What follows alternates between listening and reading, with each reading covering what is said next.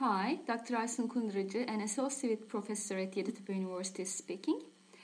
This is the introductory information about the course EDEN 214 Linguistics 1, which I offer at the bachelor level. This course is intended to serve as an introduction to the field of the study known as linguistics, the study of human language, its scientific and systematic foundations.